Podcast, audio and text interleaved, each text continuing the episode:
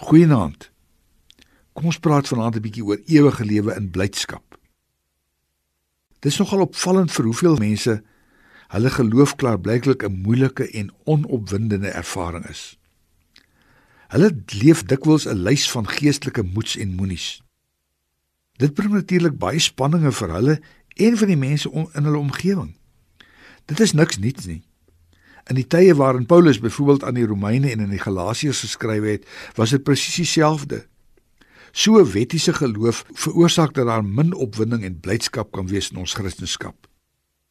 Jesus praat eenmaal met 'n vrou by 'n put in Samaria oor die ewige lewe en hoe geloof in die praktyk werk.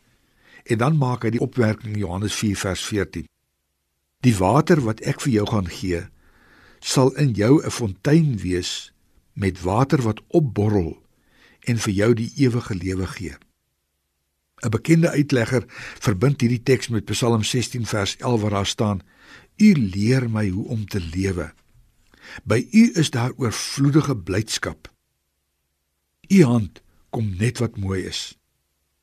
Die lewe wat God van my vra, neem my nie die moeite en die swaar kry van hierdie wêreld weg nie.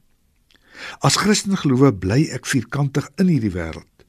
Hierdie wêreld met al sy uitdagings. Maar die lewe wat God wil hê wat ek moet leef en wat hy vir ons wil leer leef in Psalm 16 is beslis ook nie 'n lang geslig kry my tog jammer asseblief ingesteldheid nie. Inteendeel, Jesus sê die besef van die ervaring van die ewigheidslewe is soos 'n borrelende fontein. God self is die bron van daardie lewe. Dit maak jou opgewonde.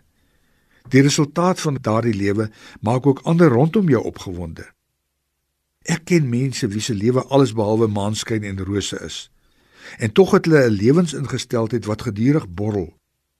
Ek onthou 'n bejaarde dame wat wanneer ek vir haar vra hoe dit gaan, elke keer vir my gesê het baie beter as wat ek verdien.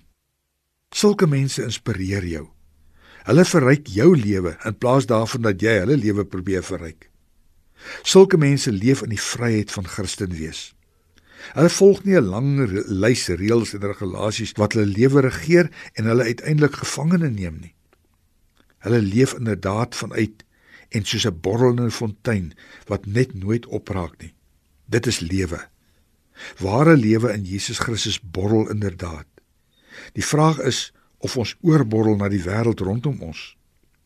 Kom bid saam met my. Here, kom borrel in my sodat ek met my lewe as ewigheidsmens kan borrel en ander mense se lewe kan verryk.